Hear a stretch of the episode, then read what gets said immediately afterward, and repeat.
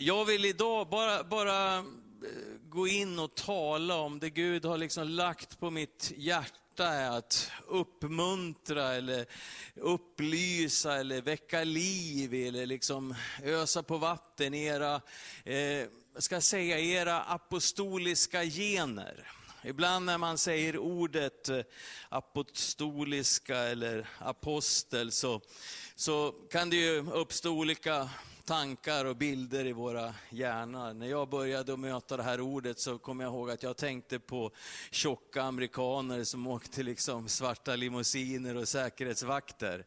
Eh, och, och, jag börjar bli lite sån nu när jag har säkerhetsvakt med mig, så jag har liksom börjat nära den bilden igen. Men, men det är ju inte Guds bild.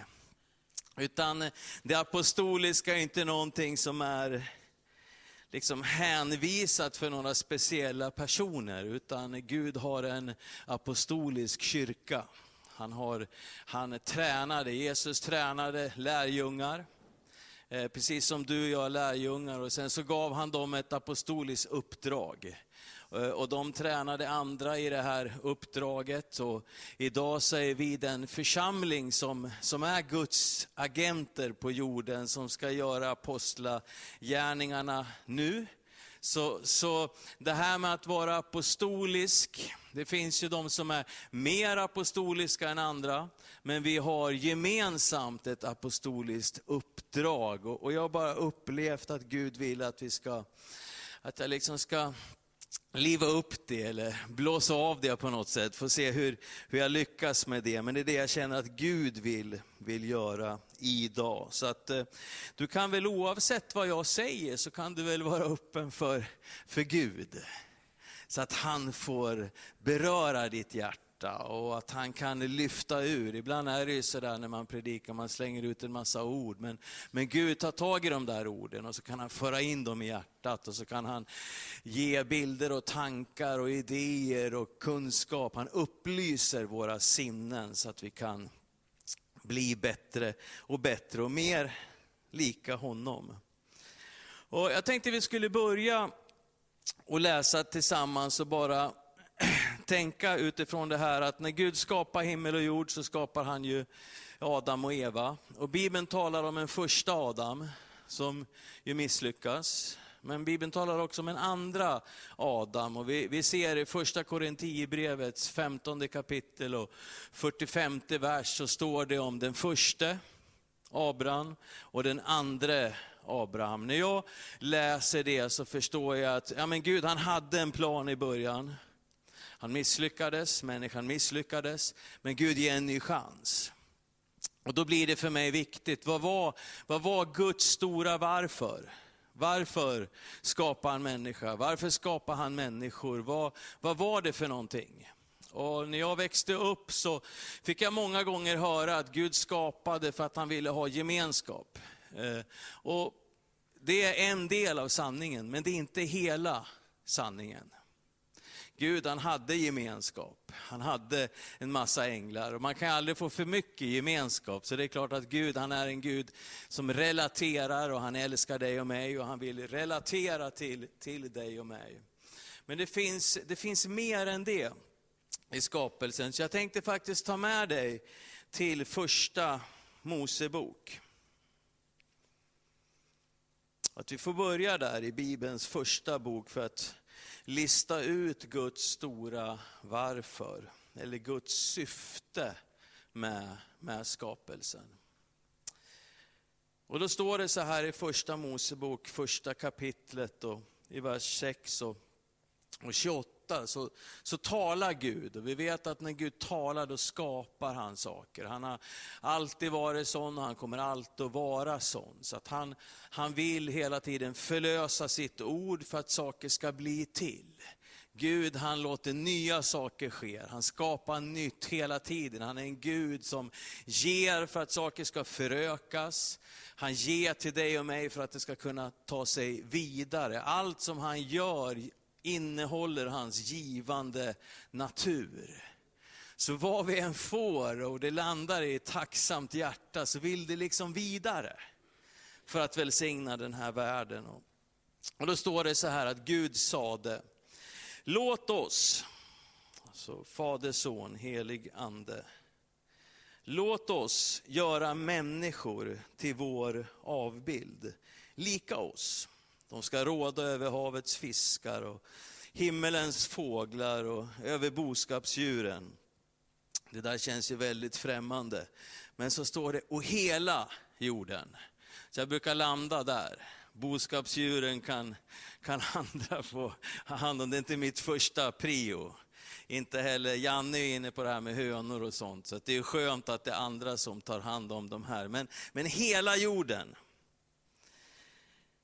alla kräldjur som rör sig på jorden. Och Gud skapade människan till sin avbild, till Guds avbild skapade han henne. Till man och kvinna skapade han dem. Och Gud välsignade dem. Vi vet att nästa kapitel, när vi får vara med om berättelsen igen, så, så inblåser Gud livsande i människan. Det var en viktig förutsättning. Han välsignade dem och säger till dem, var fruktsamma och föröka er, uppfyll jorden och lägg den under er. Råd över havets fiskar, himmelens fåglar och alla djur som rör sig på jorden. Så vi kan se att Guds syfte är väldigt tydligt. Gud vill ha inflytande. Gud vill att, precis som det är i himmelen, där han råder, där hans vilja sker, där ingenting sker utom att det som finns hos honom, det ville han skulle ta sig plats på en ny planet. Så vad Gud är ute efter, det är en, en koloni av himmelen på jorden. Det är Guds syfte. Eh, och för att det här då ska ske, så skapar han människan. Han föder människan, han, han, han eh, gör ett skapelseunder. Och så inblåser han sin ande. Så det finns ett ett, det finns ett två och det finns ett tre i det som är Guds syfte här på jorden.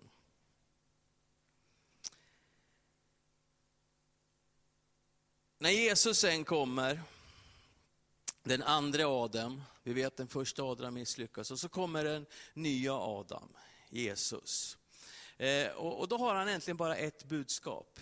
Vi kan eh, plocka en massa underrubriker på det budskapet, men han har bara ett enda budskap. Och det budskapet var inte ett individuellt budskap till mig som säger att du kan få gemenskap med Gud igen om du går till kyrkan. Eh, det är en underrubrik. Huvudbudskapet som Jesus kommer med, det är att han predikar Guds rike. Och ordet Guds rike, det är väldigt närbesläktat med det ordet som står för rådande i första Mosebok. Det som i den amerikanska bibeln är domain. Alltså att ha ett, att råda, ha inflytande, ha koll på. Så när Jesus kommer till jorden och vi vet, han var i öknen och frestas av djävulen i 40 dagar. Och vi, vi läste en vers därifrån i, tidigare här idag. Så efter det så börjar Jesus predika. Och då börjar han tala om det här budskapet i Matteus 4 och 17. Då säger han, står det så här att från den tiden så började Jesus predika och säga, omvänd er, ty himmelriket är här himmelriket är nu här. Så att det som, han säger, det som är i himmelen, det är nu här. Eh, för det har varit Guds tanke och Guds plan ända ifrån början. Det är Guds syfte, himmelen på jorden. Och då kan ju du och jag säga att ja, men det är inte mycket som ser ut så nu. Men det är fortfarande Guds syfte, det är fortfarande hans plan. Ja, men vad ska vi göra åt det? Ja, vi kan inte göra så mycket i oss själva, men vi kan om vi kopplar med honom. Vi läser vidare i Matteus, bara för att det ska vara lätt för er, så kan vi läsa, vi går vidare bara några verser till vers 23. Då står det så här, Jesus vandrade omkring i hela Galileen och undervisade i deras synagogor och predikade evangeliet om riket och botade alla slags sjukdomar och krämpor bland folket. Och det är viktigt att det här någonstans, jag, jag har växt upp i kyrkan, Och jag kände, det kändes faktiskt lite som min barndoms pingkyrka här idag när jag klev upp här, när man har äldstebröderna sitter så här uppe på, på scenen så här. Så jag fick lite sådana där feedbacks. Eh, men, men, det är så viktigt, hela min uppväxt och alla ord om, om, om Guds rike och vad jag skulle sätta först och vad som var prio och så vidare. På något vis så de här orden de liksom bara landade mig ungefär som det är bra att gå i kyrkan. Liksom. Eh, jag förstod inte att eh, Guds rike, det, det, det, det, är en annan, det är en annan nation. Jag är medborgare i ett annat rike. Det är andra regler, andra lagar, andra förutsättningar. Andra liksom, positiva saker, förmåner.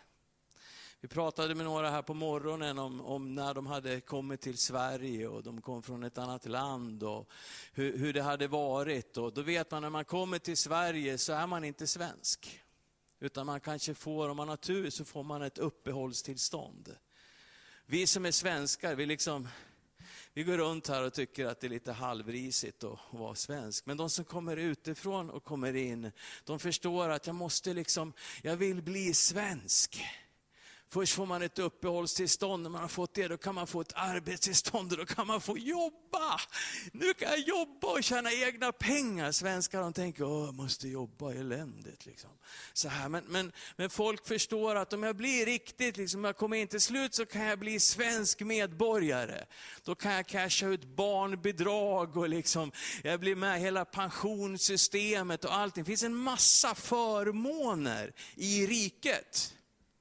Men man förstår också att om jag inte håller mig till rikets regler och gränser och hur det ska vara här. Jag kör på vänster sida istället för höger sida, för det tyckte jag var kul när jag bodde i, någonstans. Så får det också konsekvenser. Och om jag inte lever i enlighet med, med, med, med rikets stadgar och kultur och ordningar, då får jag inte plocka ut förmånerna. Och det är till och med så om jag bryter, så jag är olaglig i Sverige, då kan jag till och med hamna i fängelse. Och det är likadant i Guds rike. Så det här är oerhört viktigt, att vi förstår att vi är medborgare i ett annat rike. Jesus han säger så här i kapitel 6 och 33 i Matteus. är nog den viktigaste bibelversen i i hela Bibeln. Där är liksom Jesus, han slår fast huvudprion för dig och mig. Han säger så här, nej, sök först Guds rike. Att förstå Guds rike, det är det viktigaste i våra liv. Och han säger inte bara sök mitt rike, utan han säger sök först Guds rike. Vad säger han sen? Och hans rättfärdighet. Det betyder att, att Gud, att komma i linje med Gud, att bli som Gud, att vara som honom. Skapta till hans avbild, komma i, i linje med hans vilja, hans intentioner. Att samspela med Gud, att underställd Gud utverka hans vilja på jorden ha ett inflytande, Guds inflytande genom dig och mig här på jorden. Det är vad rättfärdighet handlar om. Vi har fått en rätt ställning inför Gud för att vi ska kunna samverka och vara som han. Därför måste jag jobba. Det handlar inte bara om att tänka att jag ska gå till kyrkan, utan jag måste göra allt för att bli som Gud. Han är en generös Gud. Han är en mild Gud. Alltså, och det här, det här, det här tar, ju, det tar ett helt liv. Men det är så underbart att man, man börjar där vi börjar och sen så blir det bara bättre och bättre och bättre och bättre. Och när Jesus ska lära oss att be i Lukas 11 och Matteus 6, vi kan titta i Matteus 6, 9-12, så, så säger han så här, så ska ni be, Fader vår som är i himlen, helgat blive ditt namn. Komme ditt rike. Alltså det som är i himmelen, låt det komma till jorden. Och så säger han det som det handlar om, han säger, ske din vilja. För det är det det är, där Gud är, där hans vilja är, där är hans rike.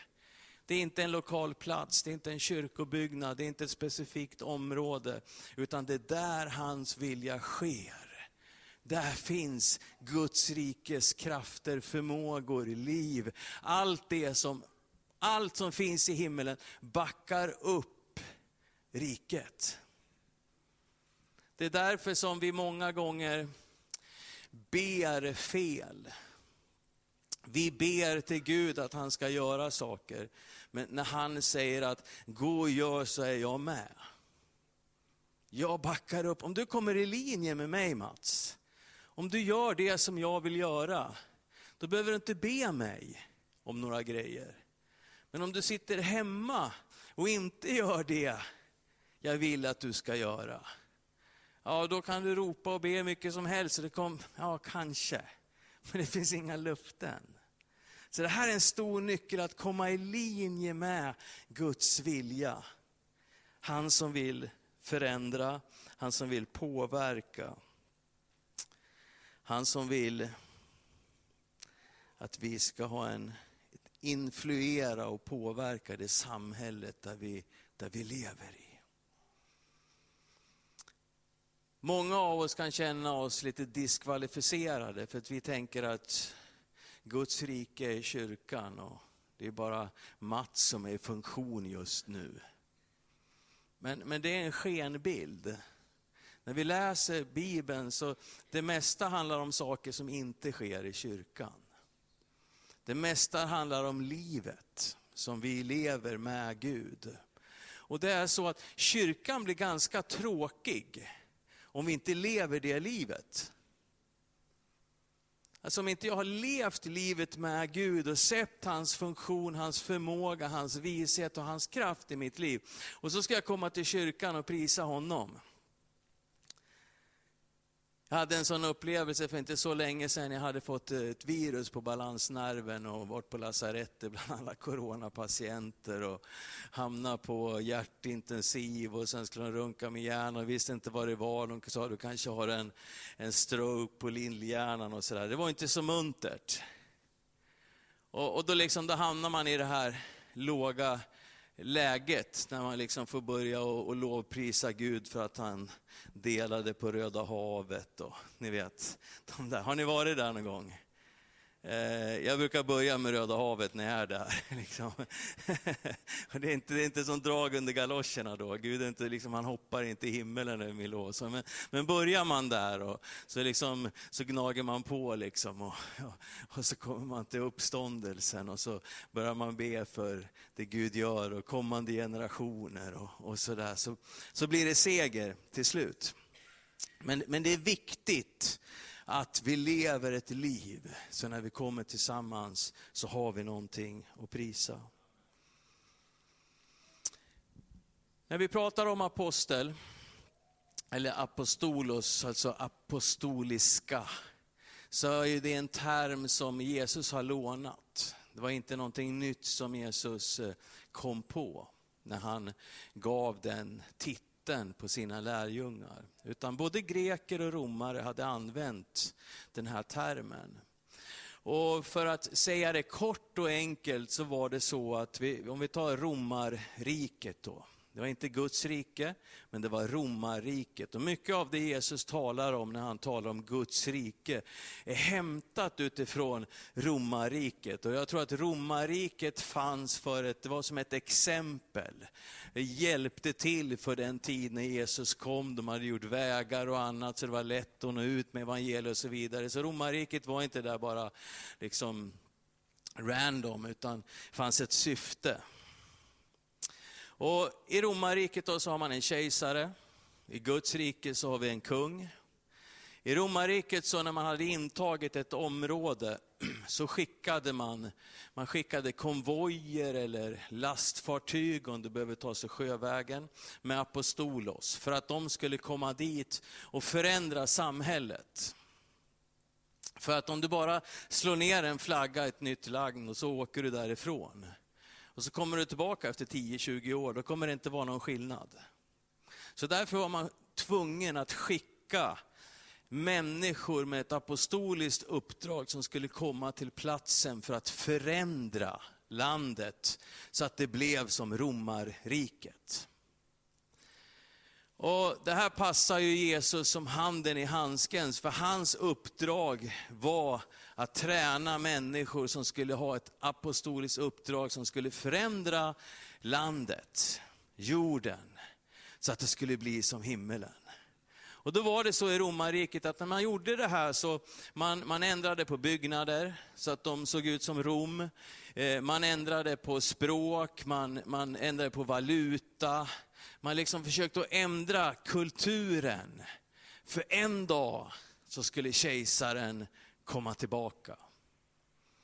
Och vi vet att en dag så ska Jesus komma tillbaka. Och då visste man, när kejsaren kommer tillbaka och sätter sina fötter på det här markområdet, då ska han titta sig omkring, han ska känna in kulturen och han ska säga, wow, det känns precis som hemma. Så att vara en apostolisk kyrka, att vara en lem i en apostolisk församling, det handlar om att ditt uppdrag, det du ska göra, den lilla del som du kan göra, den lilla del som jag kan göra, det är att där jag är, så ska Jesus rådande, hans vilja ska ske. Det betyder att om du sträcker dig ut och startar en korvkiosk, så vill Jesus att det ska vara en korvkiosk alla himmelen. Ja, då måste jag be för korvarna. Jag tror du måste göra mer än så. Ibland blir vi liksom så andliga, så vi tror att vi är här på jorden bara för att be. Vi ska be, det är jätteviktigt att be. Men när jag ber så ber jag, och när jag ber då talar Gud till mig så jag hör. Och sen så gör jag det han säger. Och det är då jag får se hans kraft gå i uppfyllelse. Om jag bara sitter hemma och väntar på att han ska göra jobbet, då sitter han och väntar på att jag ska göra jobbet. För det är så han vill att det ska vara. Men när jag kliver ut och börjar röra mig, då kommer hans kraft i funktion. Och då får se han verka i mitt liv och då blir jag tacksam, jag blir nådesfull, jag blir ödmjuk. För jag förstår, det här hade jag inte kunnat gjort själv. Och så får jag ära honom för det som jag gör. Himmel på jord.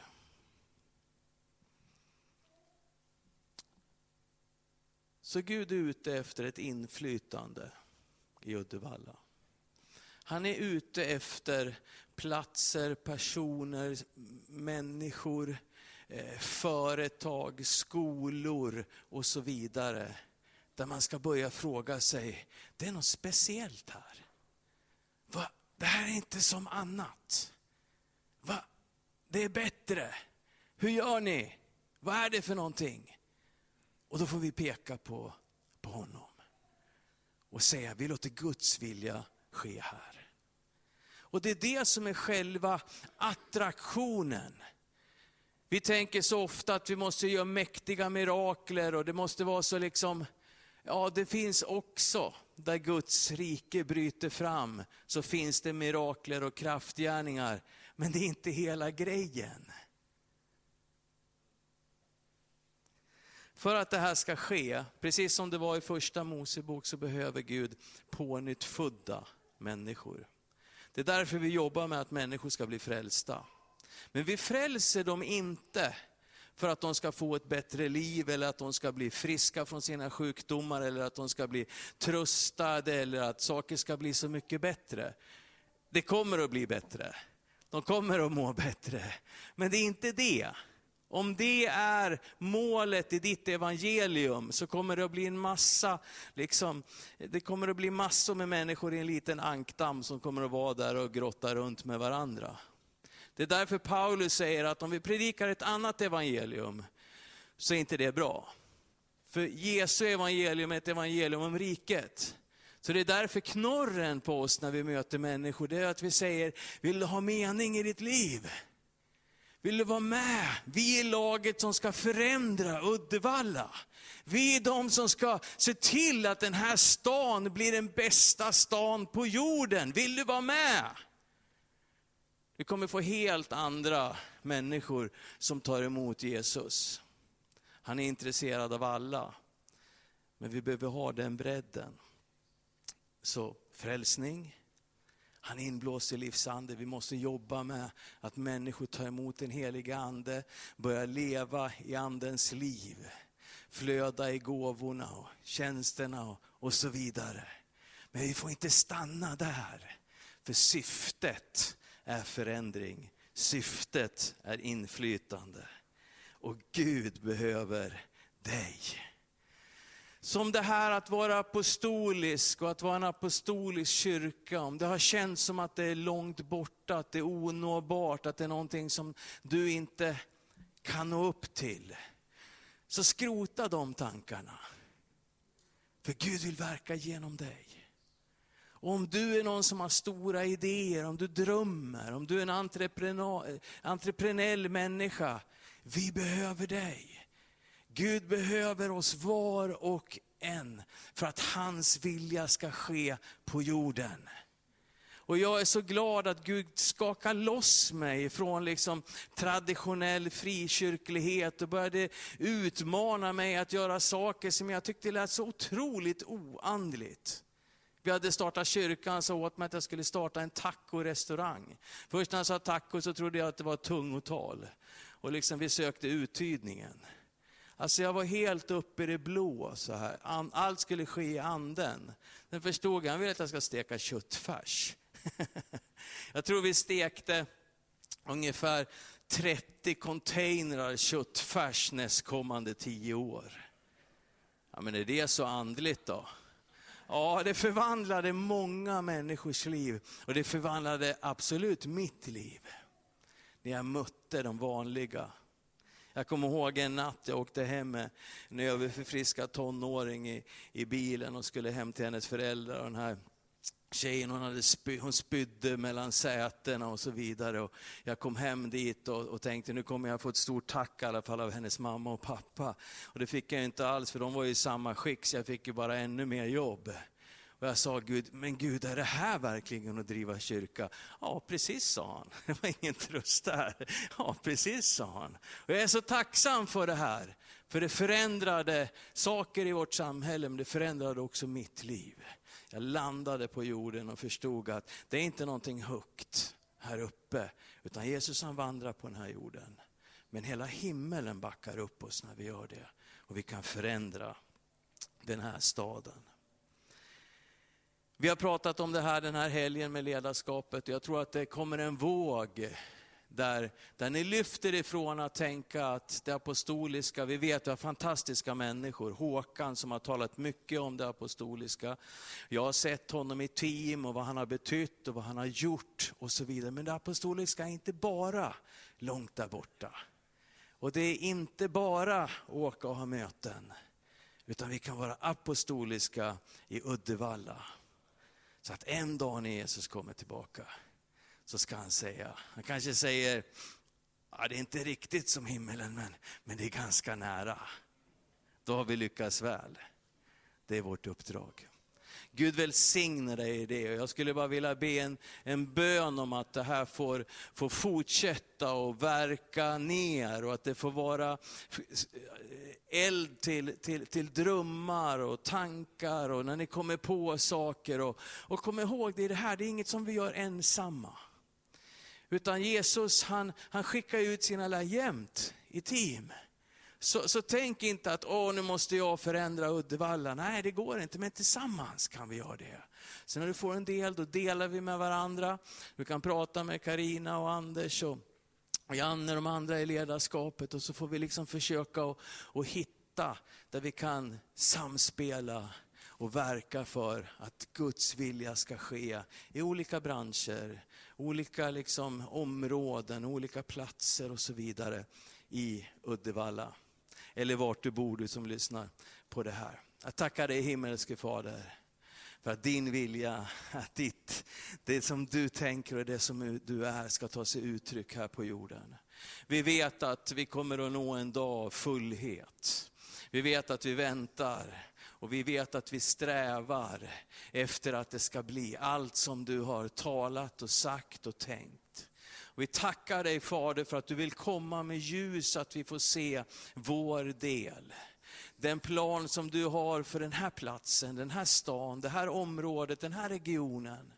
Jag välsignar Fader det som finns i dig och jag ber att det ska poppa upp Fader. Jag ber att det ska vara som en popcornmaskin i den här församlingen. Där det börjar komma nytt liv och tro och hopp och liv. Där det får liksom sprudla av idéer och tankar och där människor får kopplas samman och dra sitt strå till stacken och ge sin del till den här elden och eldarna som du vill tända i Uddevalla. Jag ber Fader att vi ska både kunna vara liksom med huvudet i himmelen, men med fötterna på jorden Fader. Att vi ska kunna vara fyllda med din helige Ande, men också röra oss i alla olika nivåer av vårt samhälle. Jag ber Fader att du skickliggör oss var och en så att vi kan hitta hitta våra platser och våra uppdrag och våra tillfällen. Och att vi får bära och leva ut ditt rike här i Uddevalla. Jag ber för generationer Fader, jag ber för de som har gått före. Jag ber Fader på händer som ska läggas, mantlar som ska övertas. Jag ber Fader om din smörjelse och din kraft, men jag ber också om kunskap och förstånd Fader. Du ser de som finns i vår gemenskap som, som äger visdom visdom och kunskap i olika områden där vi inte har en aning om Fader. Tack för företagare, tack för entreprenörer. Tack Fader att vi ska få se att vi kopplar ihop och att vi får stå tillsammans och göra saker som ger dig ära och gör att din vilja sker i himmelen så som på jorden Fader. Jag tackar dig för din nåd. I Jesu namn. Amen.